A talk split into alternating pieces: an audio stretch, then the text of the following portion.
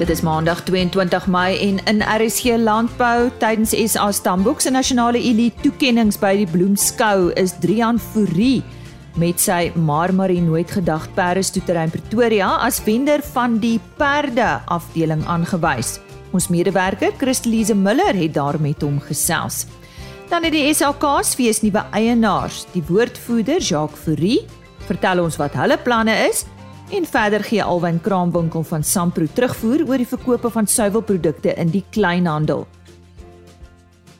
Goeiemôre, my naam is Lise Roberts en ek glo jou naweek was wonderlik.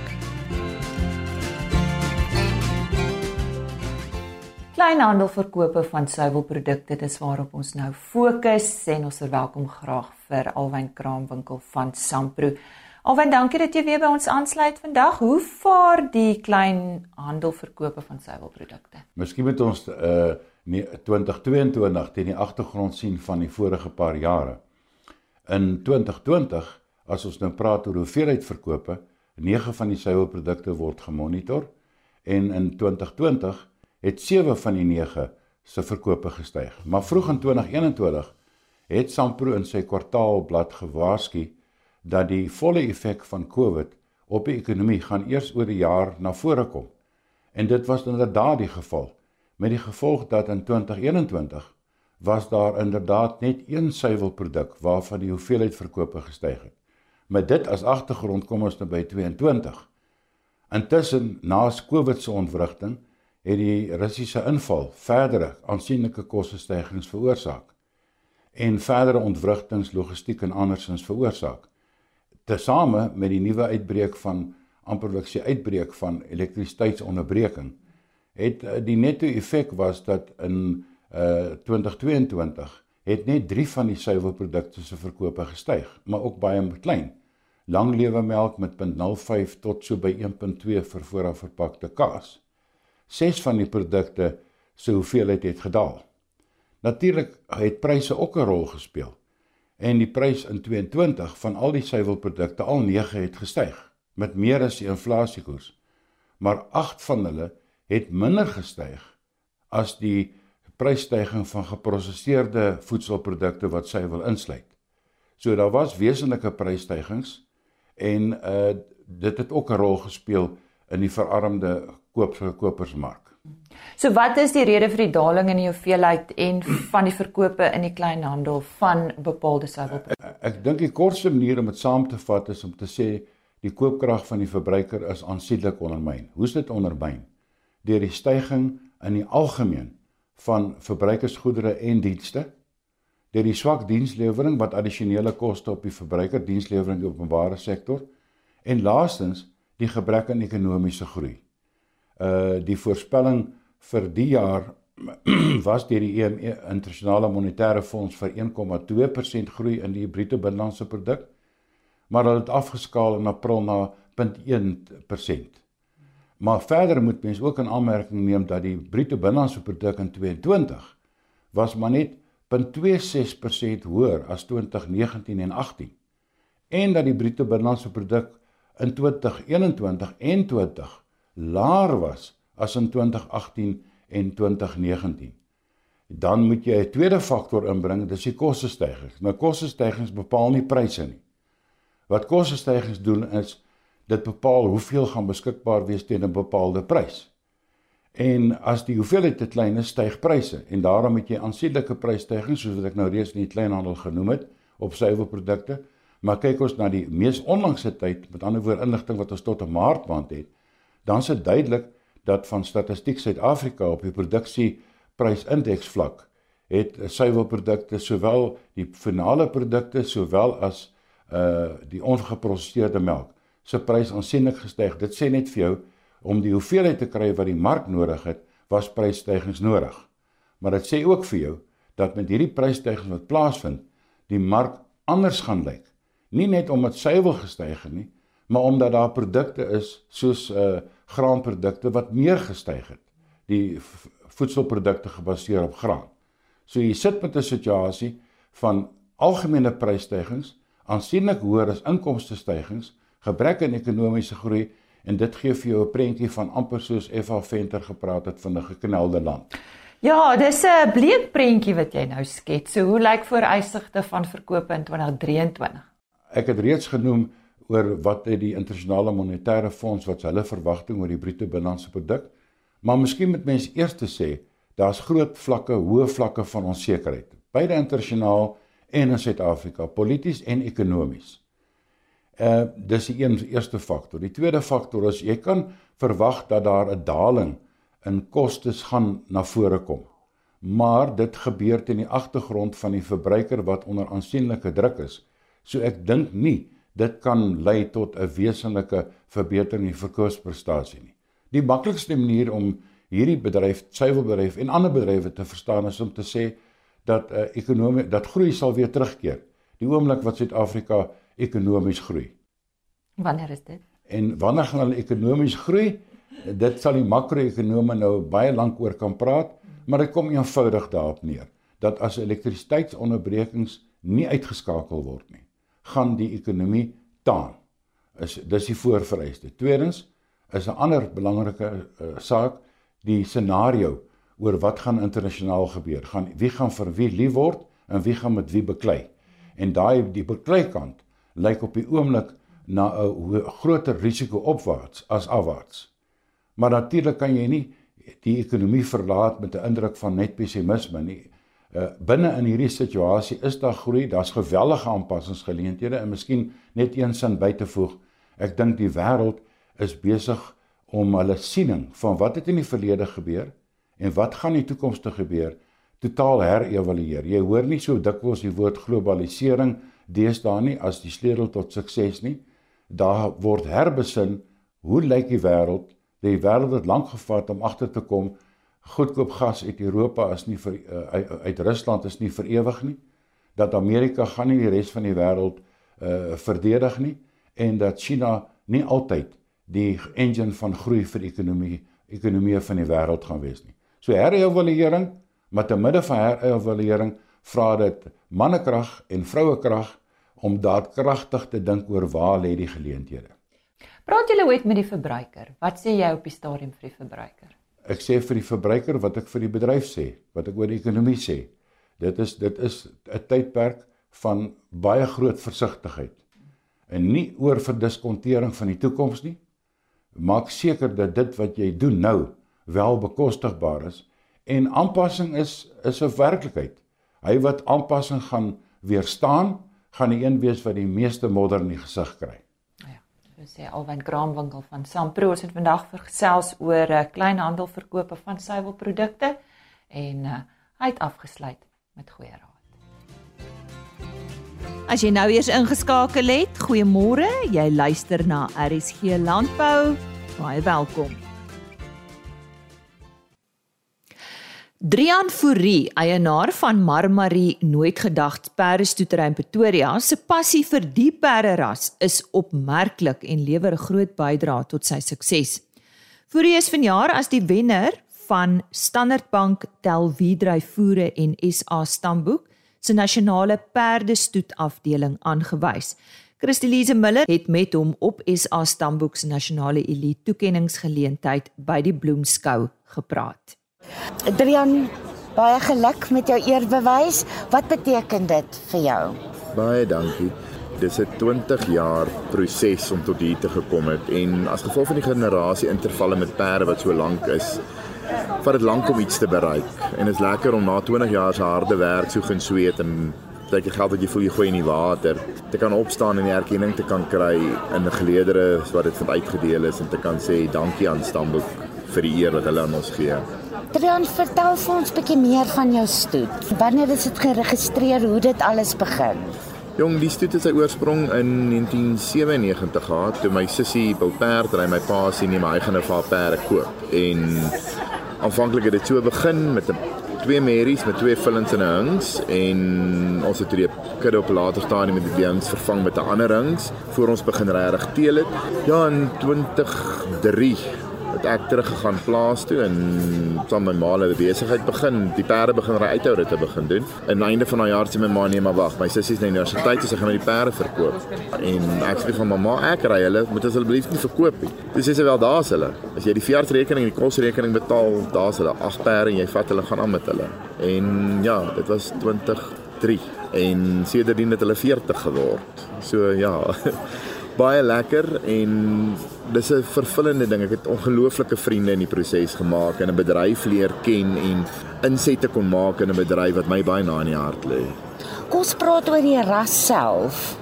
Dit is 'n fenominale ras. Dit is 'n ras ek sê eers nooit gedag het geteel het jy nooit weer 'n ander ras nie. Dis 'n perde ras wat sy oorsprong in Suid-Afrika het in die laat 40s, het die departement van landbou gesê hulle wil Suid-Afrikaanse perde ras veredel. Lang storie kort te maak, hulle het op die einde op na groot gespook op perde by Memel afgekom wat hulle toe gebruik het. Hulle het dit toe gevat na die nooit gedagproefplaas net buite Ermelo en met hulle daar begin. Hulle toe in 'n bewegingsprobleem ingehard met al die perde was baie nou verwant aan mekaar. Hulle is toe terug. Hulle toe by meneer Willemse nog perde gekry wat onverwant was aan hierdie wat hulle toe uitgebaster het met mekaar.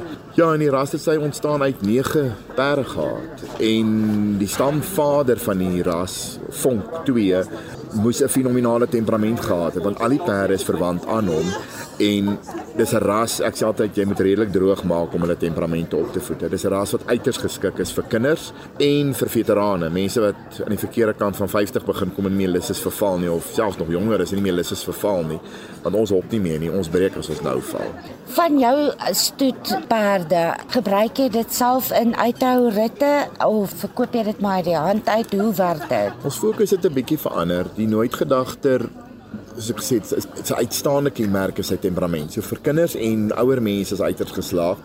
En ons het ons begin toespits meer op die sportsoorte wat die kinders in meeding. Wat die uithourit is bietjie meer gevorderd en dit is nie regtig geskik dink ek persoonlik vir vir die kind op straat nie. Daar is kinders wat uitsonderlik wel daarin presteer, maar ons het oorbeweeg na veral die Western Mountain Games waar ons fenominale resultate het met perde wat uitstaande doen ook met kinders wat skou spring, wat begin ry. Die, die band wat daai kind met daai perd bou is net fenomenaal. Ons kry baie perde wat of baie ekskuus, baie ruiters wat ook terugkom en wat met 'n verkeerde ras en ek wil nie name noem nie.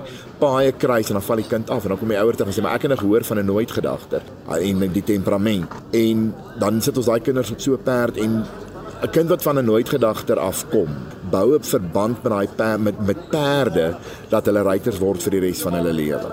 En my passie lê om 'n kinderruiter en 'n perd gepaard te kry. Ek het ook in my stoete beginsel waar ek vir mense sê, jy vat die perd basies vir 30 dae op Apple waar ek hulle hulle geld terugwaarborg want vir my gaan dit oor die kind en die perd moet saamwerk. Werk die verhouding nie is dit 'n kind wat uitgaan en 'n ouer wat uitgaan en teen my stoet gaan praat. Vir my gaan dit oor ek wil hê daai ouer en daai kind moet so tevrede wees met wat hulle het dat hulle vir almal om hulle vertel maar jy moet vir jou marmerie perd kry. Jou kind moet op 'n marmerie perd begin. Verkoop jy dan uit die hand uit? Ek verkoop net uit die hand uit en pryse hang af van hoe goed 'n perd geskool is wat maar meestal waar jou koste ingaan. Maar ja, as 'n kindjie daar staan en hy weet waar maak kan dit nie bekostig en dan maak 'n mens maar partykeer planne wat ja, tot jou eie nadeel finansiëel partykeer is, maar op die langtermyn het ek nog net die vrugte daarvan gepluk. Wat lê vir jou stoetery voor?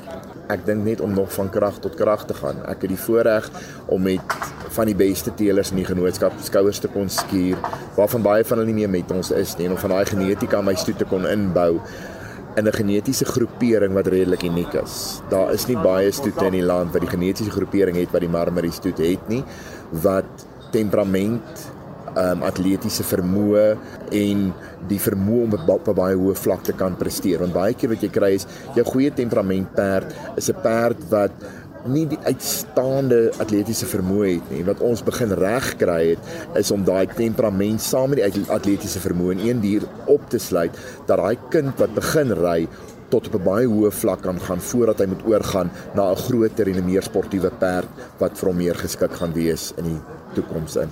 En wat beteken die eerbewys vir die genootskap? Ek dink dit wys dat ons as seker die kleinste perde ras in die land. Die vermoë het om skouers te stuur en uit te styg bo enige van die ander rasse in die land. Dat ons die vermoë het om diere te teel wat vir geen dier in hierdie land maak nie saak van watter bloed of watter land af hy ingevoer is enigsins hoef terug te staan nie. Die nooit gedagtes wat ons het en wat ons teelers besig is om te teel is van so hoë standaard dat ek dink mense maak 'n fout om 'n ingevoerde perd te gaan koop. Ons beskik oor inheemse rasse en spesifiek die nooit gedagte wat fenomenaal is en wat mense moet na begin kyk en begin besef die waarde wat ons intern in ons eie rasse het. Waaraan skryf jy jou sukses toe? Die eerbewys wat jy ontvang het op grond van wat sou jy sê wat wat se aspekte wat vir jou uitstaan?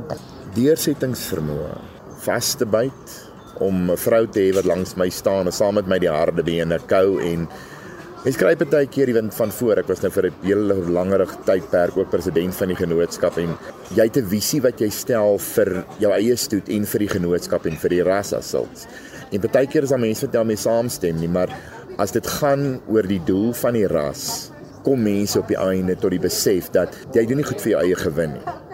En iemand het nou so tyd terug vir my gesê, "Drian, was dit nie vir jou en jou insette nie. Dink ek nie het ek met nooit gedagtes begin teel." En nou dink ek nie is daar enige ander ras nie. So dankie vir wat jy gedoen het. Want vir my gaan dit oor ek sê altyd vir mense, jy kry iemand wat eerste keer sit jy 'n ruitertjie op 'n perd en dink hulle is 'n grap om 'n perd op sy bou te slaan en hard op die perde weg en die ruiter val af en almal lag hulle half dood. Dis nie vir my snaaks nie. Wat vir my lekker is om iemand op daai perd te sit en daai vreugde en liefde wat ek vir die diere het te kan deel en dit oor te dra dat daai persoon met dieselfde uitkyk en uitgangspunt uitgaan en perde vir mense wil wys en mense wil deel maak van die perde familie. Jou stoet, wat jou teeldoelwit?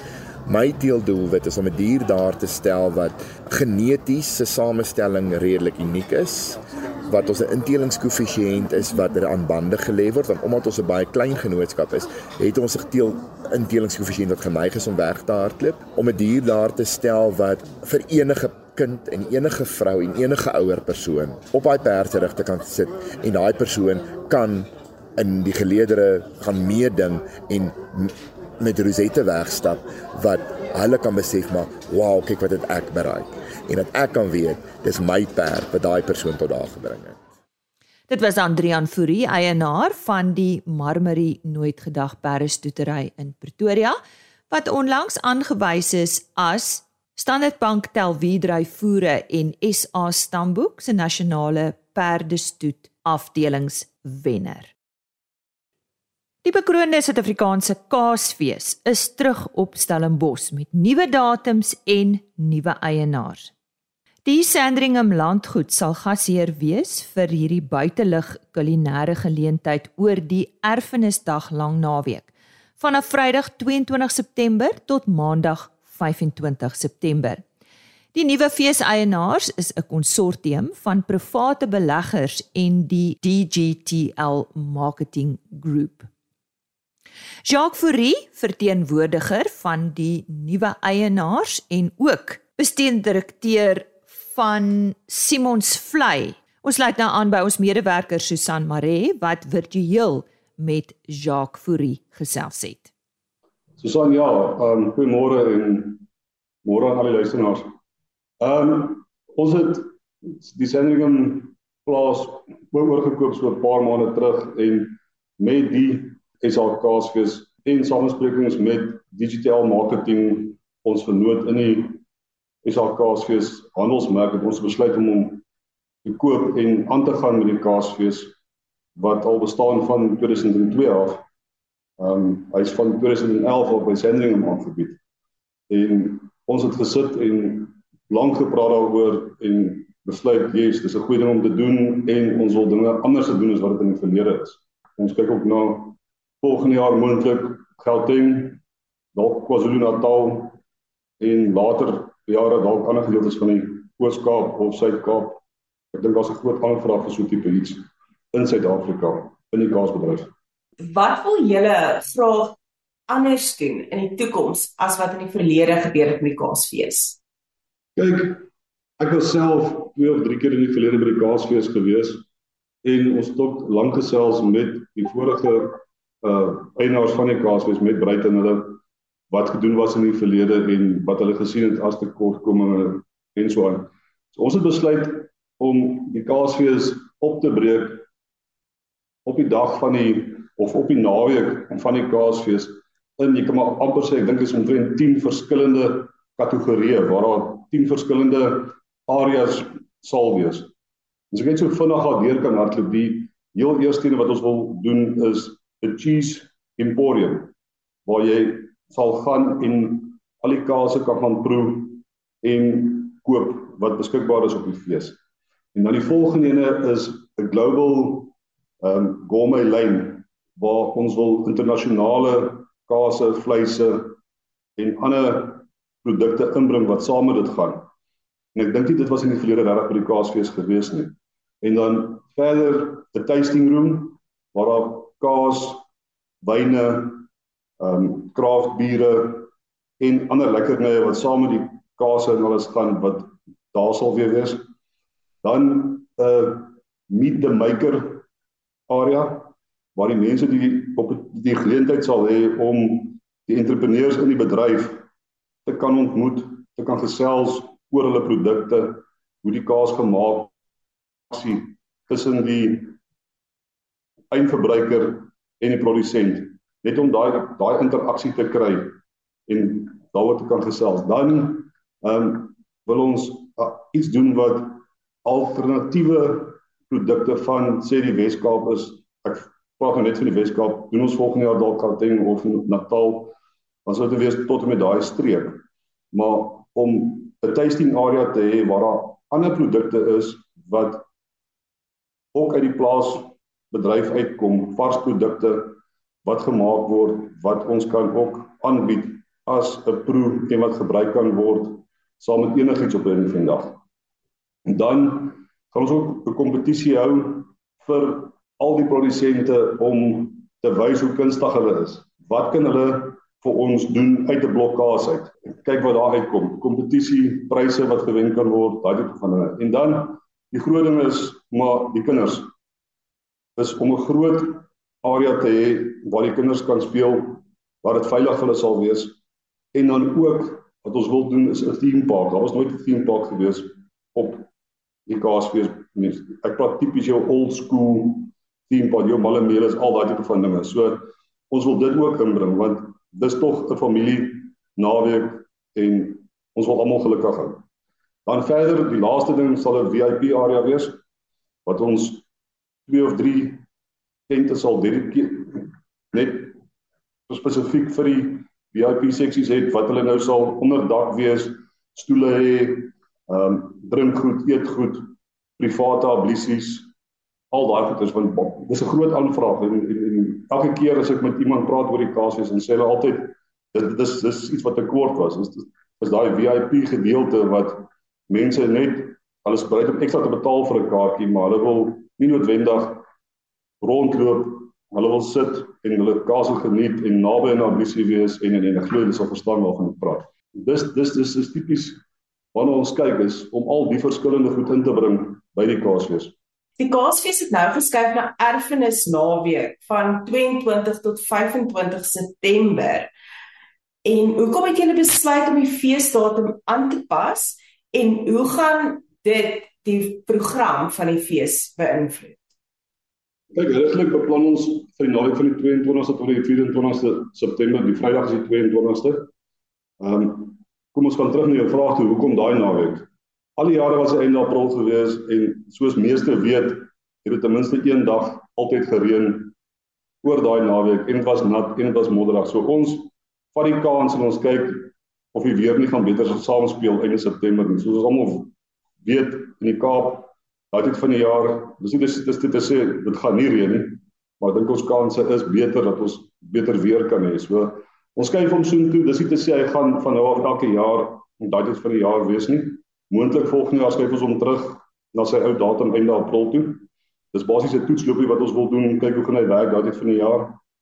En ja, dis is ons is maar die gedagte. So die Vrydag skop ons af met wat ons noem 'n besigheid na besigheid dag waar ons die produsente en die handelaars bymekaar wil uitbring.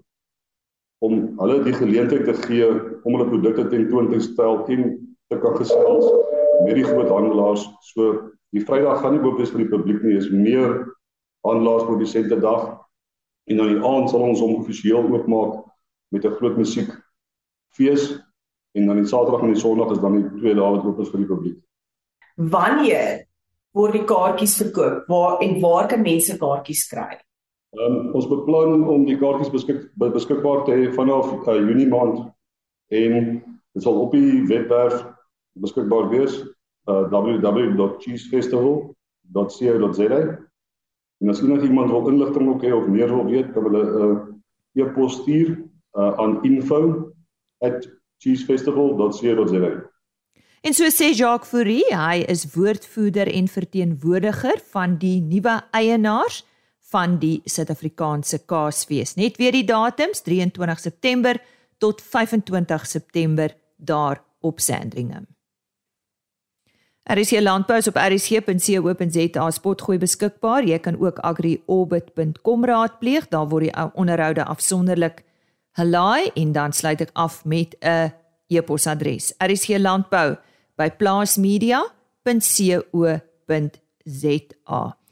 Ons maak môreoggend 'n draai by die Sandveld Aartappelkwekersvereniging en hoor wat het Jannie Bason te sê oor die stand van die bedryf praat ook oor 'n nuwe finansieringsooreenkoms wat deur Absa bekend gestel is vir landboufinansiering en kry ook terugvoer oor minister Toko Didiza se landboubegroting. Môreoggend, sien uit. Totsiens.